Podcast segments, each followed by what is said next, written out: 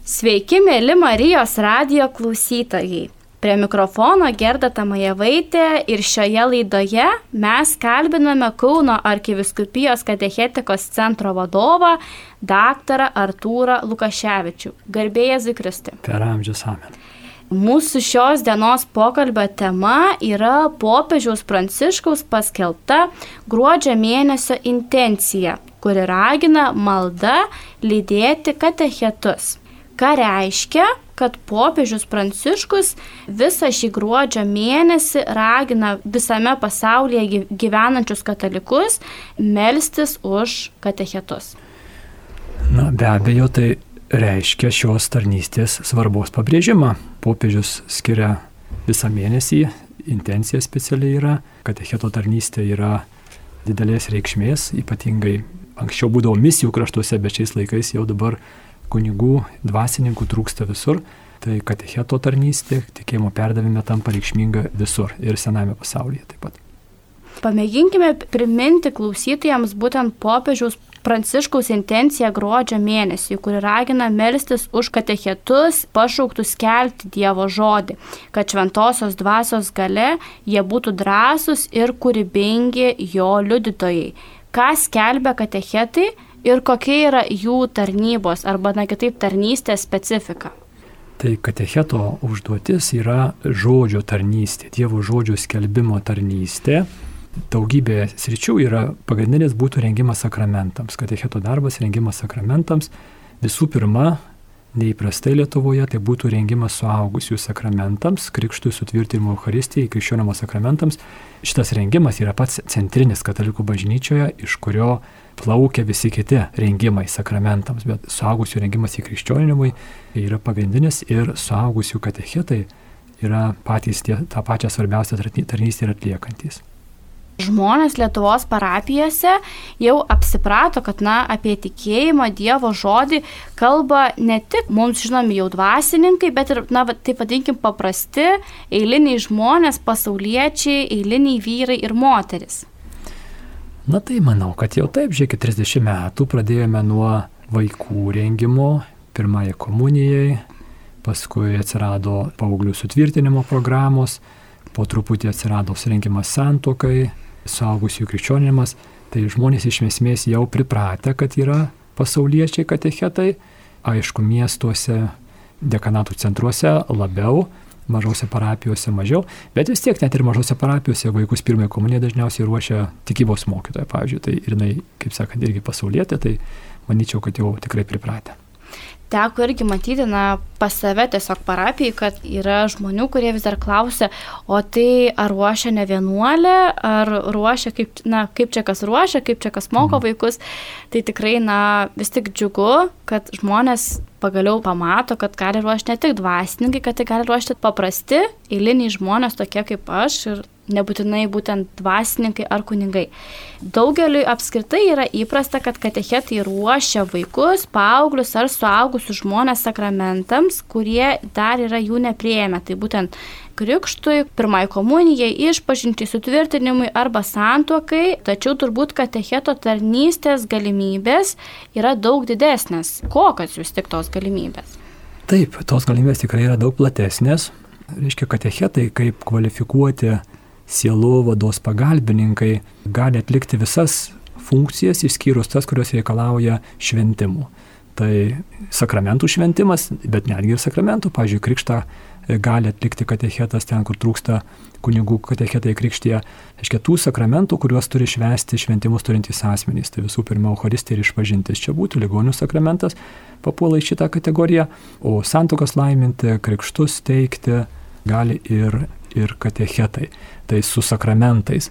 Bet reiškia, kadangi sielovada, sielos vedimas iš netikėjimo arba abejingumo link tikėjimo yra sudėtingas procesas, sudėtingas darbas, jame daug funkcijų yra, tai didelę dalį iš tų funkcijų gali atlikti ir tikrai ir atlieka katechetai, įvairiausios tikėjimo augdymo programos, palydėjimai, pokalbiai. Iškia visur ten, kur nėra reikalingas šventimų sakramentas, visą tai gali atlikti katechetas ir, aišku, Lietuvos parapijos ir šita tarnystė ir ta visa sielovadinė sistema nėra išvystyta dažniausiai.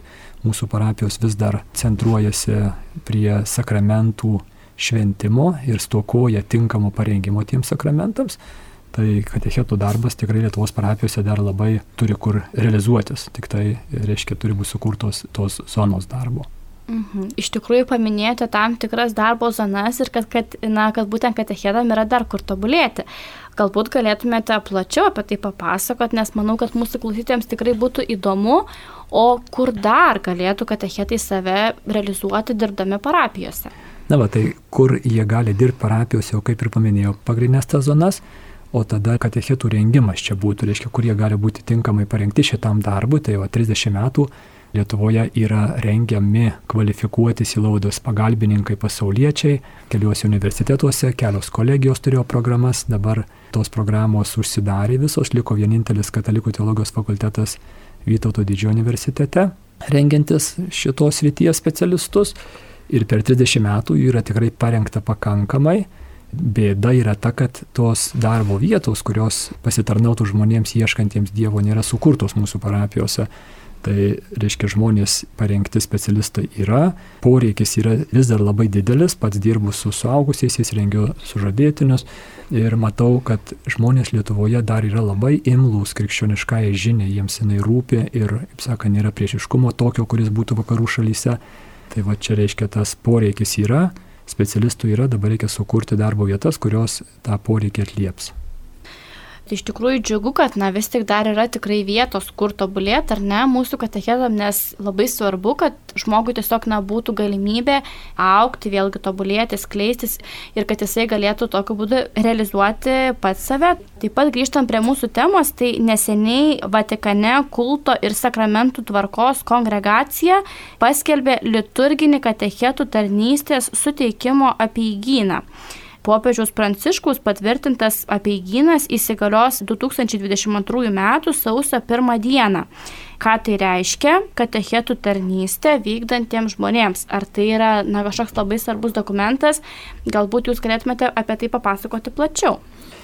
Taip, tai tikrai labai svarbus dokumentas. Jisai reglamentuoja katecheto statusą, oficialų formalų katecheto statusą parapijoje. Tie žmonės, kurie jaučia pašaukimą dirbti šį darbą, jie gali specialiom apieigom netgi būti į tą darbą įvesdinti.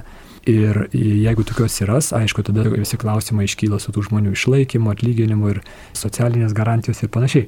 Bet iš principo formaliai taip kaip diakonai yra pasauliečiai, permanentiniai diakonai, nuolatiniai, taip jie gali dirbti parapijose, turėdami dažniausiai savo darbus, taip ir pasauliečiai katechetai atlikti savo katechetinę tarnybą. Šitas dokumentas apie gynas yra tam ir skirtas. Ir jisai, netgi tie žmonės, kurie nepasinaudos ir nejaučia pašaukimo būti išskirtinai katechetais, vis tiek šitas dokumentas rodo katecheto svarbą ir iš jo, iš to dokumento išplauks kai kurios gairės ir tiems katechetams, kurie nu, ne, netaps tais pagal šitą peigyną, reiškia įvesdintais katechetais.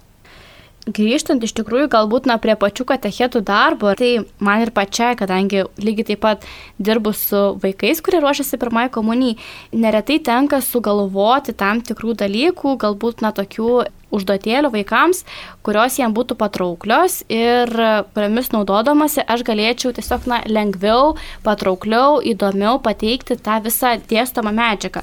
Ir vis tik kodėl, na, katechetų darbe yra svarbus tas kūrybingumas. Tai tikrai kiekvienam darbė labai svarbus kūrybingumas, sielovadinim ypač. Turim dirbam su gyvai žmonėmis, ar tai būtų vaikai, paaugliai, suaugusieji. Ir tą vieną nekintančią išganimo žinę turime perduoti šitai auditorijai, kuri yra priešais tave, įkultūrinti tą žinę šitai auditorijai. Ir tas įkultūrinimas reikalauja kūrybingumo ir taip pat išmanimo, kad nebūtų tam kūrybingumo procese iškreipyta ta centrinė žinia. Mhm. Ar jums pačiam dirbant būtent savo darbą, dirbant kartu su sužadėtiniais, tenka naudoti kūrybingumą?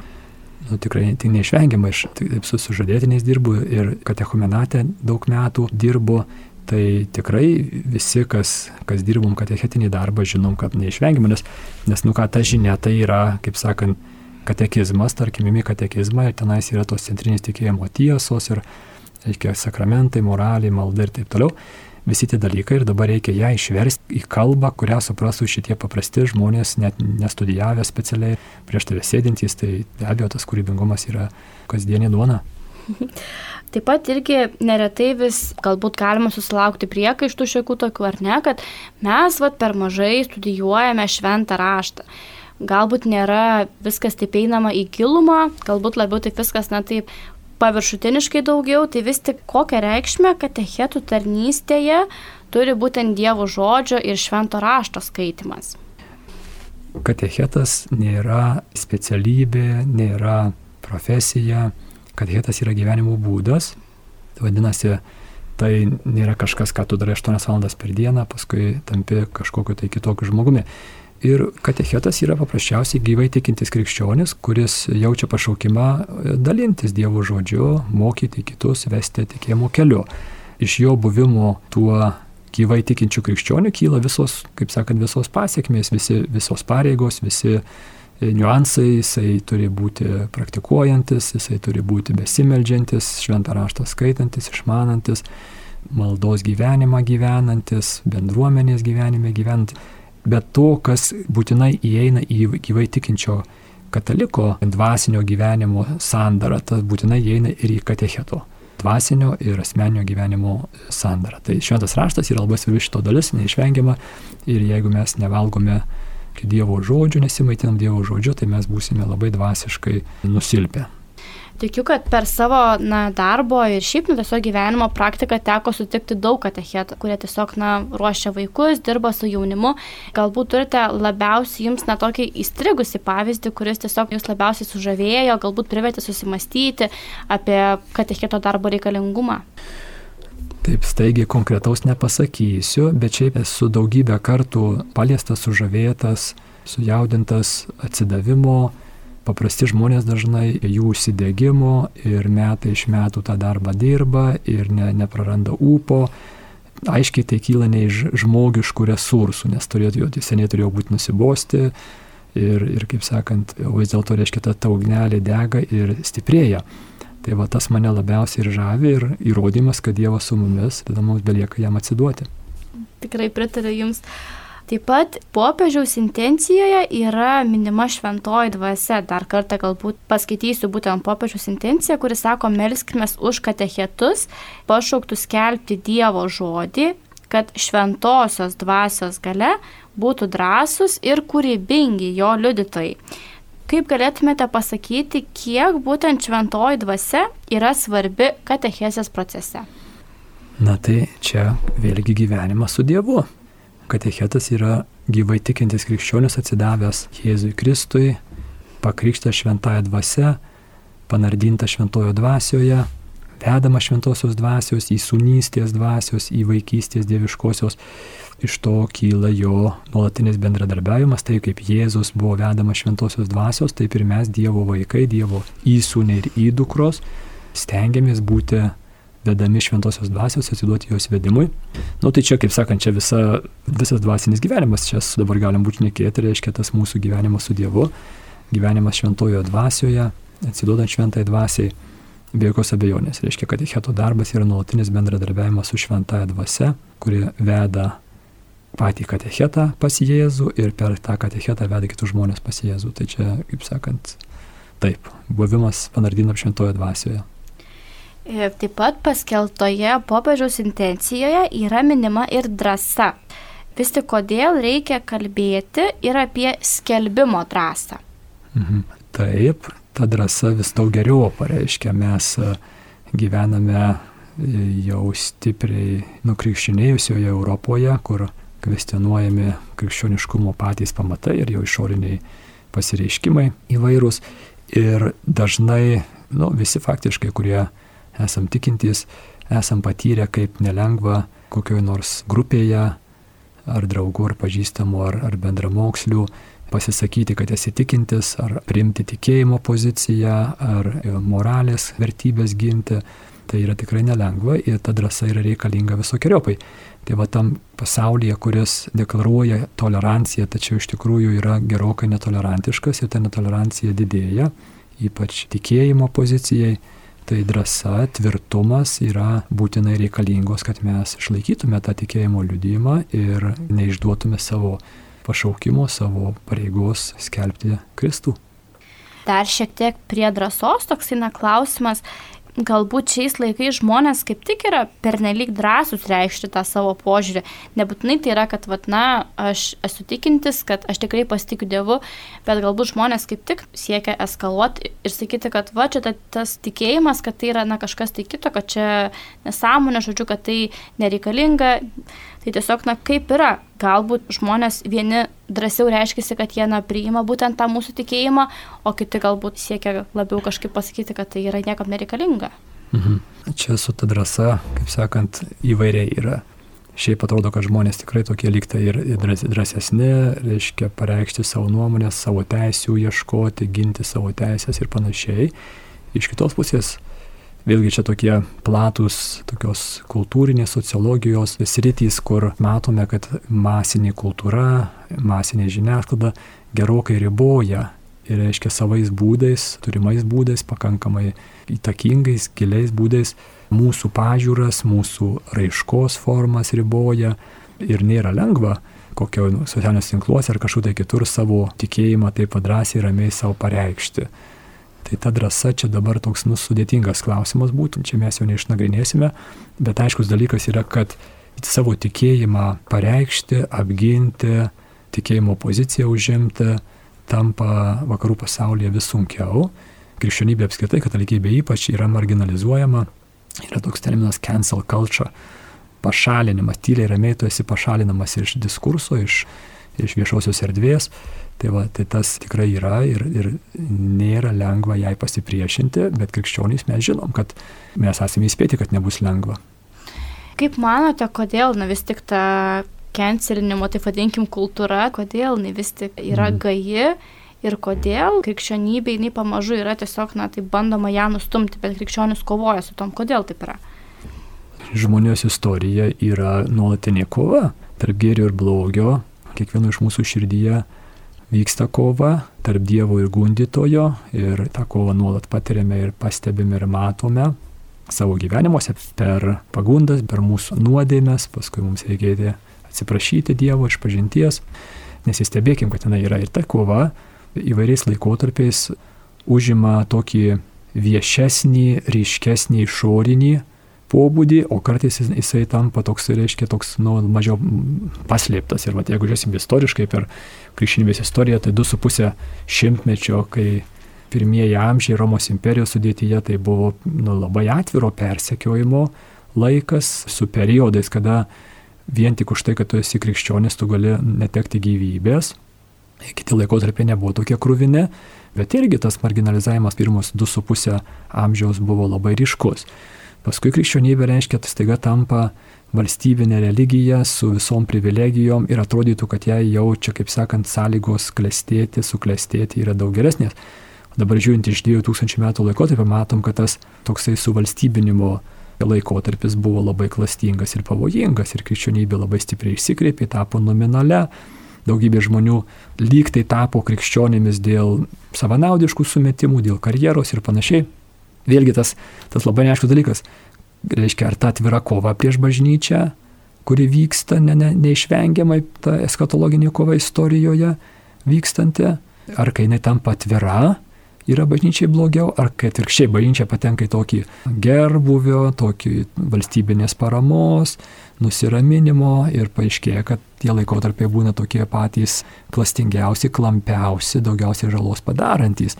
Tai va dabar gyvename tam laikotarpį, kada, nu, sparčiai ryškėja atvira kova, jinai krikščionybė, katalikybė yra, yra stumiama atvirais būdais iš valstybinio, politinio, socialinio gyvenimo. Mes esam tildomi, tai, kas vyko vakaruose jau, sakykime, 40 metų Lietuvoje jau paskutiniais metais, va keliais metais vyksta tas irgi reiškia, tu, jeigu esi krikščionis, tu gali pasilaikyti savo pažiūrą savo privačiai erdvėje, bet reiškia viešojoje, kultūrinėje, politinėje erdvėje tarsi kažkokia tai šizofrenija skatinama, tarsi mes galim būti politikoje kažkokie tai kitokie žmonės, reiškia, o krikščionybė pasilaikyti savo privačiam gyvenimui. Krikščionybė nėra sentimentas, tai nėra sentimentalus kažkoks tai emocinis, reiškia, išgyvenimas, vieni mėgsta vienokią muziką, kitokią, ne. Krikščionybė, jeigu jinai yra tikra, tai jinai apima visą žmogų, jo pažiūras, jo politinės pažiūras, jo vertybės, viską ir tai būtinai reikšis, jeigu jis tikras krikščionis, tai jis būtinai reikšis jo visoje veikloje. Na va, ir čia bus kova ir tą mes ir matome dabar. Taip pat grįžtant prie mūsų minėtų katechetų, tai vis tik ar katechetams pakanka argumentų, kai reikia apginti tikėjimą prieš abejojančius ir religiją apskritai kritikuojančius žmonės? Nu, tai ar pakanka argumentų, tai, tai čia priklauso nuo katecheto kvalifikacijos. Jeigu jisai turi tą kvalifikaciją, tai tada jis tuos argumentus žino. Jeigu keliam klausimą, ar tie argumentai yra iš viso, ar jie egzistuoja, tai tikrai egzistuoja.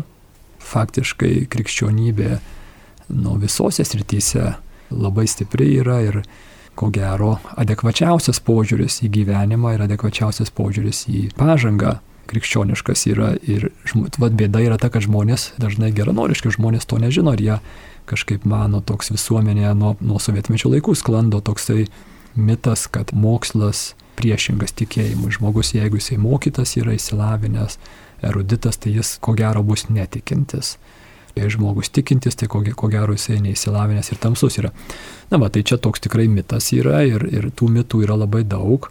Kaip jie sklando, čia būtų įdomus reiškinys, nes tai, kad tą, tą mitą paneigti nereikia, nereikia didelio įsilavinimo, jeigu mes pažiūrėsime į visus, reiškia, gamtamokslininkus per istoriją buvusius ir, sakykime, 20-ojo amžiaus Nobelio premijos laureatus gamtamokslininkus, mes matysime, kad jų tarpe tikinčių žmonių yra labai daug ir didelė dalis iš jų yra ne tik tai tikintys, bet giliai tikintys žmonės.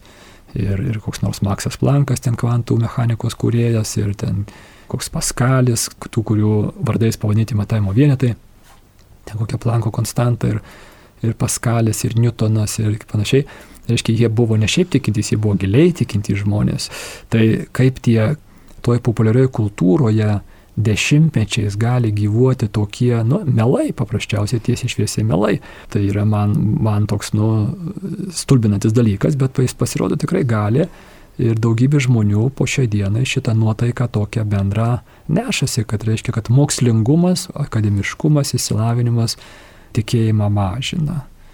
Tai, kad faktai taip ir tam prieštarauja, tai kaip vienas filosofas sakė, tai tuo liūdniau faktams yra taip išeitų mitas gyvena savo gyvenimą ir, reiškia, ir, ir žmonės tiki tokiais, va, nu, niekais faktiškai.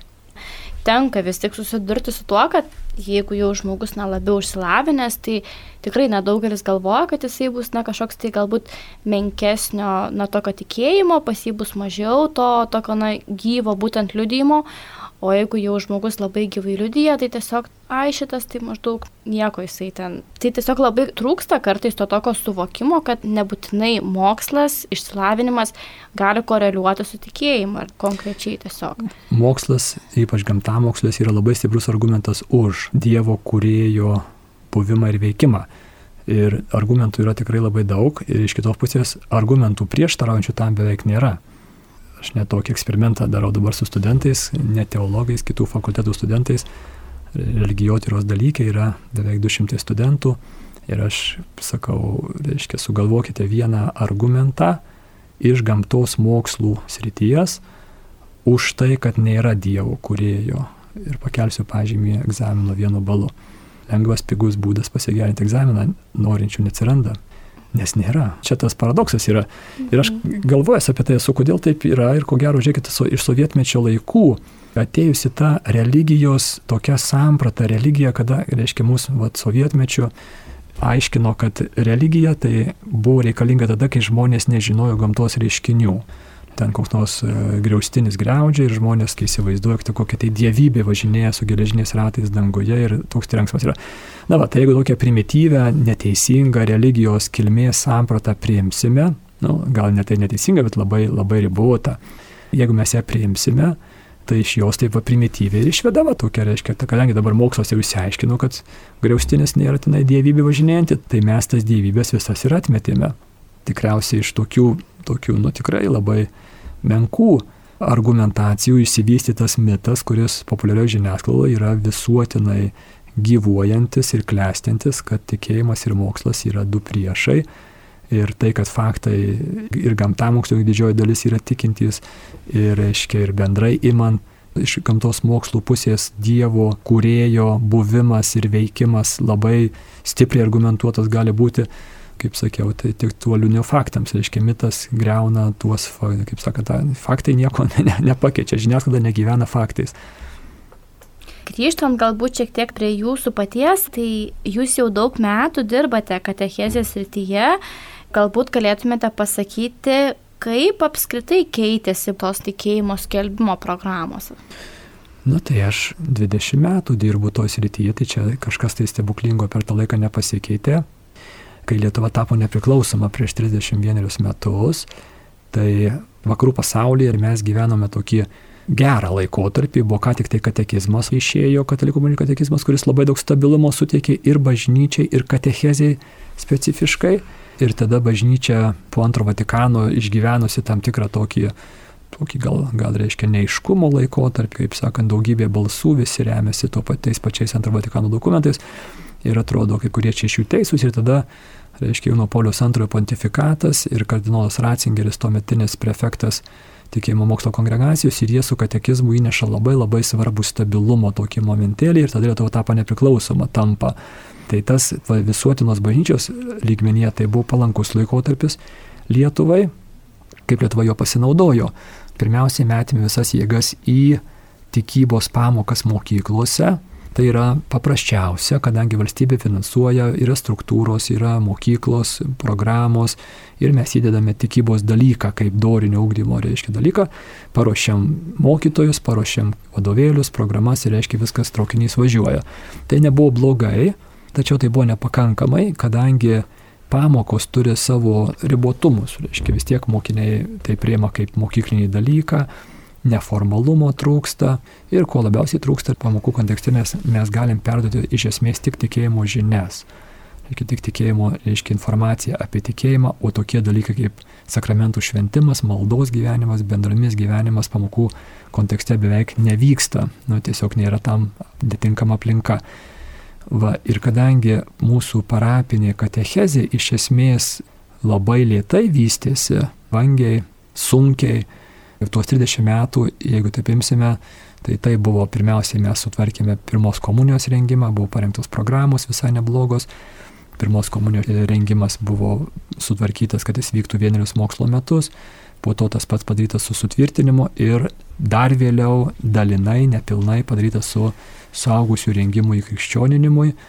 Ir dar kita istorija būtų su, suaugusių rengimas santokos sakramentui. Liko nesutvarkytas iš esmės suaugusių rengimas kūdikio krikštui, tėvų ir krikštatijų rengimas kūdikio krikštui. O ir dar kai kurios kitos jau tokios smulkesnės rengimo sakramentams rytys. Prieš 20 maždaug metų buvo padarytas didelis lūžis, tai yra rengimas sakramentams vaikų ir paauglių perkeltas iš mokyklų iš pamokų į parapijas. Tai irgi buvo didelis lūžis, svarbus lūžis, labai reikalingas, kadangi sakramentų šventimas vyksta Eucharistinėje bendruomenėje, o mokykla nėra Eucharistinė bendruomenė, nėra akademinė bendruomenė. Todėl rengimas sakramentams turi vykti toj pačioj bendruomenėje, toj pačioj Eucharistinėje bendruomenėje. Ir rengimas sakramentams buvo perkeltas į parapijas, tai vėl susiję buvo su dideliais tokiais, nu, nelengvais iššūkiais, socialinės garantijos, atlyginimai, programos, patalpos, daug parapijų tiesiog neturi patalpų, daugybė mūsų parapijų yra sovietmečio ir dar anksčiau reiškia suformuotos nu, visiškai ne kaip bendruomenės parapijos, o kaip sakramentus teikiančios institucijos tam tikros. Dauguma žmonių po šią dieną parapiją mato kaip sakralę erdvę, kurioje teikiami sakramentai, visų pirma šventos mišios švenčiamos. Bet kadangi krikščioniškas gyvenimas yra daug platesnis negu tik tai sakramentų teikimas. Sakramentų šventimas yra kaip aisbergo viršūnės, išlindusios, aukščiausiai iškilusios. Taip, tai yra centras ir viršūnė. Bet tam, kad žmonės galėtų e, samoningai, gyvai, aktyviai dalyvauti sakramentų šventime, pavyzdžiui, mišiuose, turi būti atliktas didžiulis, didžiulis namų darbas, įvairios tenai programos, tikėjimo ugdymo, tikėjimo žadiminimo programos, alfa kursai, katechumenatai ir taip toliau. Ir važiuojant į mūsų parapijas, netgi jų architektūrą, jų patalpas turime, mes matome, kad Lietuvoje net naujai statomose parapijose pagrindinis dėmesys ir dažniausiai vienintelis dėmesys yra sus, su, sutelktas į tą erdvę, kurioje bus švenčiami sakramentai. O kur gyventi tą bendruomenį gyvenimą, tą skrusdėlyną, kur ten visokiausių grupelių, bendruomenėlių, judėjimų turi būti, kur žmonės pasiruoštų tinkamai švęsti sakramentus. Netgi tokių vat, patalpų architektūrinių požiūrių jų nėra, tai rodo neteisingą požiūrį į krikščionišką gyvenimą, kuris duoda savo blogus rezultatus.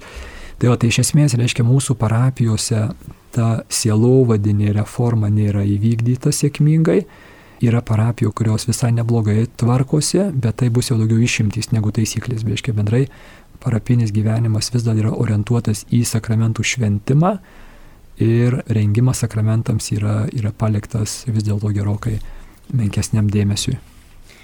E, šiek tiek anksčiau buvote minėjęs, kad jums yra tekę matyti būtent katechetus, kurių dar ta vidinė tokia ugnelė nėra užgesusi, kurie dar tiesiog nusišypsina toliau e, ruošia vaikus arba jaunuolius būtent sakramentams. Tai tiesiog noriu paklausti, Kaip Jūs galvojate, ar katechetams grėsia perdegimas arba kitaip tiesiog idėjų badas, juk vis tiek tikėjimo esmė, jinai lieka tokia pati, ar ne? Taip. Taip, tikėjimo esmė lieka tokia pati, bet kadangi tikėjimo esmė yra Jėzus Kristus, visada stulbinančiai naujas ir, ir netikėtas ir mus pagaunantis ten, kur nesitikėjome, tai dvasinis gyvenimas yra nu, nuolatinis nuotykis ir katechetas, kuris jį gyvena, jisai turės tą gyvumą, ugnelę ir, ir šypseną. Taip, jog tikrai teisingai sakote, perdegimas ir įsisėmimas tikrai grėsia mums visiems, nu, turim būti išmintingi ir mokėti pasakyti ne, skirti reikiamą dėmesį dvasiniam gyvenimui tam, kad mes pasikrautume savo akumuliatorius. Taip tas yra neišvengiama, būtinai iš to reikia. Su kokiais lūkesčiais dažniausiai sutinkate tuos, kurie vis tik ateina augdyti krikščionišką įtikėjimą, kurie tiesiog ateina pas jūs ir, na, nori, na, pristatyti, sakyti sveiki, aš esu katechetas. Kaip jo sutinkate? Aš tai ne, ne, nesakyčiau, kad mes, ne, ne tai, kad vis dar ateina, tų žmonių yra labai daug ir nėra taip, kad jų vis mažiau arba kažkaip tai jų ugnelė, jų šypsina mažinė. Reiškia, tikrai, tikrai žmonių gyvenančių su Dievu yra ir iš jų tarpo Dievas pakviečia tuos, kurie norėtų priimti šitą privilegiją dalintis. Ir tai tikrai privilegija, štai aš 20 su viršų metų, jie naudojusi tą privilegiją, tai kodėl jinai privilegija? Todėl, kad mano paties tikėjimas tokiu būdu auga ir neapsnūsta, ir aš esu prižadinamas, ir aš esu pradžiuginamas, ir aš matau tuos žmonės, kurie ateina, atiduoda savo gyvenimus Jėzui ir kaip jų akis nušvinta ir veidai atsigauna ir jie tampa gyvi, gyvesni žmonės. Ir tai yra didelis džiaugsmas dalyvauti tokiam procese. Tų katechetų norinčių dirbti yra, mano didysis rūpestis kaip Kauno arkiviskupijos katechijos centro vadovo yra, kaip tuos žmonės, kurie nori dirbti, tinkamai susijęti su tais, kurie nori jų darbo. Tai reiškia tie žmonės, va, ypatingai suaugusiai žmonės. Mes, va, kaip pirmai minėjote, mes pradėjom dirbti su vaikais 90 metais, tada po, po 10 metų jau ir paauglius ėmėmės rimtai. Ir suaugusieji po šiai dienai likę tokiam, nu, tokiam, reiškia, mažai paliesta zona, ir buvo padaryta klaida. Padarėme klaidą galvodami, kad, nu ką, reiškia, ten tie suaugusieji, jie yra sovietmečio karta, jie yra, nu, tokia prarastoji karta, reiškia, ten mes jų ko gero jau net gaivinsime, bet mes imkime tų va, dešimtmečių, šešiamečių ir iš jų, iš jų užauginsime tikrus katalikus, į juos daug investuosime, jie turės tikybos pamokas kiekvieną savaitę, jie parapijoje galės tenai pirmai komunijai ruoštis, reiškia, nu, va, nu mes tai imamės nuo mažumės ir mes užauginsime katalikus. Tai va dabar pažiūrėkite, tie žmonės, kurie 90 metais buvo, sakykime, šešiamečiai, šiandien jie yra 36 mečiai ir mes matome, kad šitų žmonių katalikiškumas yra gerokai, gerokai skurdesnis ir menkesnis negu, sakykime, tų, kurie užaugo sovietmečiu.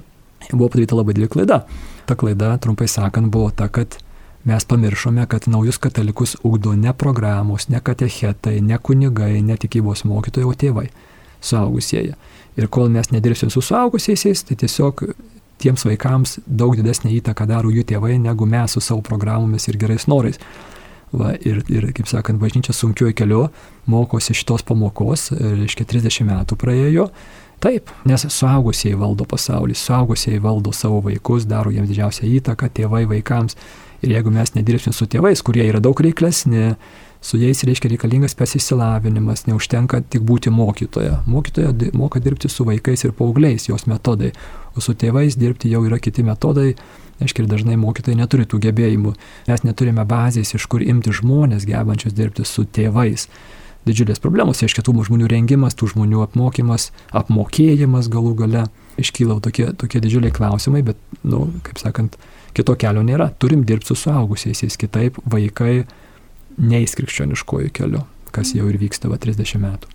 Jūs kaip ir minėjote, kad na, nėra kaip ir stygiaus tų, kurie perduotų žinę vaikams, bet kai pokalbis pakrypo apie suaugusius, tai jūs tiesiog na, paminėjote, kad yra stygius. Tai vis tik ar stinga žmonių, kurie galėtų, na, pertikti kitiems tikėjimo žinę. Aš suprantu, kad, na, e, suaugę žmonės, jie turi daugiau klausimų, jie domis, jiems yra kur kas sunkiau pertikti tą pačią žinę negu vaikams. Tai vis tik, ar yra trūkumas tų žmonių, kurie galėtų dirbti su suaugusiais ir ką daryti, kad būtų daugiau tų, kurie galėtų dirbti su jais mhm. ir juos ruošti ir tobulinti. Skaičiaus požiūrį, tai to trūkumo turbūt nėra bet struktūrinių tokių, nu, kaip sakant, kur vyktų tas, tas darbas su saugusiais, va tavo čia yra problema. Nes mūsų parapijos yra, kaip sakiau, jos e, vis dar funkcionuoja kaip sakramentus teikiančios institucijos, o sakramentams rengimo funkciją didelė dalis parapijų prisėma taip, nu, vangokai, sakykime, ir, ir kaip daugiau tokia antrailė, ar, reiškia, jeigu liks laiko, jeigu turėsim patalpų, patalpų neturim, tai nedarysim arba darysim ten sutrumpintus variantus visokiausius. Čia yra problema, reiškia žmonių, kurie norėtų ir gebėtų dirbti su saugusiais, manau, sunku pasakyti, bet reiškia, yra daugiau negu darbo vietų, kur jie galėtų jas užpildyti, kurios, kurios jo pasiruošusios jiems, reiškia, tos darbo vietos, kad būtų. Taip sakant, mes neturime tokių centriukų, programų, zonų, kur jie galėtų dirbti su tais suaugusiais. Katalikų bažnyčiai pagrindinis įlaudinis vienetas yra parapija.